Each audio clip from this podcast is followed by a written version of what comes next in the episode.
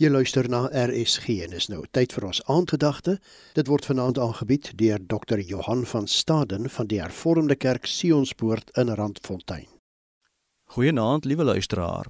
Min of meer in die jaar 594 voor Christus het koning Nebukadneser van Babel 'n goue beeld laat maak en opdrag gegee dat al die volke, nasies en taalgroepe die beeld moet aanbid, anders word hulle in 'n vuuroond gegooi.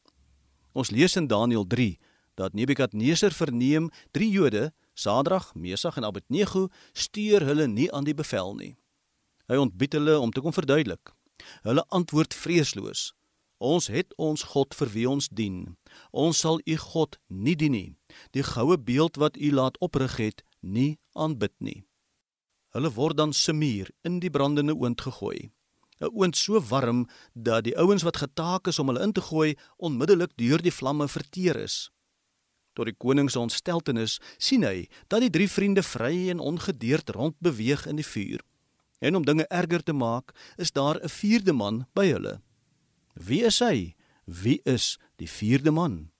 Die vierde man is die groot ek is, die Vader, die Seun en die Heilige Gees. Die vierde man is die almagtige Here skepper van hemel en aarde, die sterkte en heerlikheid.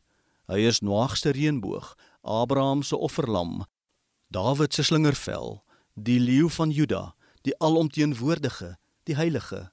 Hy is die wonderdoener, die hoëpriester, die uitkoms, die ewige koning, die hersteller van gebroke lewens, die fontein van lewende water, die regverdige regter, die voorsiener, die redder en verlosser, die hoeksteen, die oorwinnaar, die groot geneeser.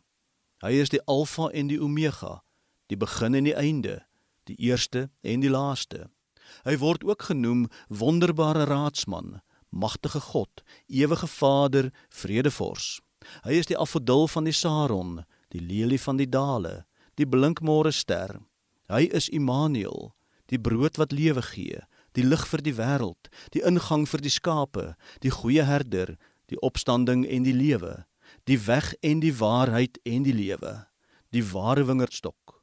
Hy is ons vaste hoop. Hy is die vierde man in die vuuroond. Toe hy die vierde man sien, roep Nebukadneser uit: Daar is geen ander god wat in staat is om so te red nie. Aan hom die eer en aanbidding. Dit is die vierde man wat ons beskerm en vir ons rigting en 'n toekoms gee. Die vierde man daag altyd betyds op binne in die vuuroond, die leeukuil, die stryd, die pandemie, die ramp, die bankrotskap, die siekte, die teleurstelling, die neerslagtigheid, die hartseer, die gebrokenheid, die moedeloosheid. Maak nie saak waarmee jy gekonfronteer word nie en hoe sleg dinge lyk nie.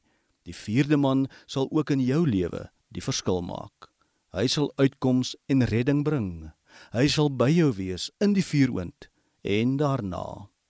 Here, dankie vir u teenwoordigheid in die vuuroond, in die smeltkroes van ons lewens en elke dag daarna. Amen. Die aandgedagte hier op RSG is aangebied deur Dr. Johan van Staden van die Hervormde Kerk Sionspoort in Randfontein.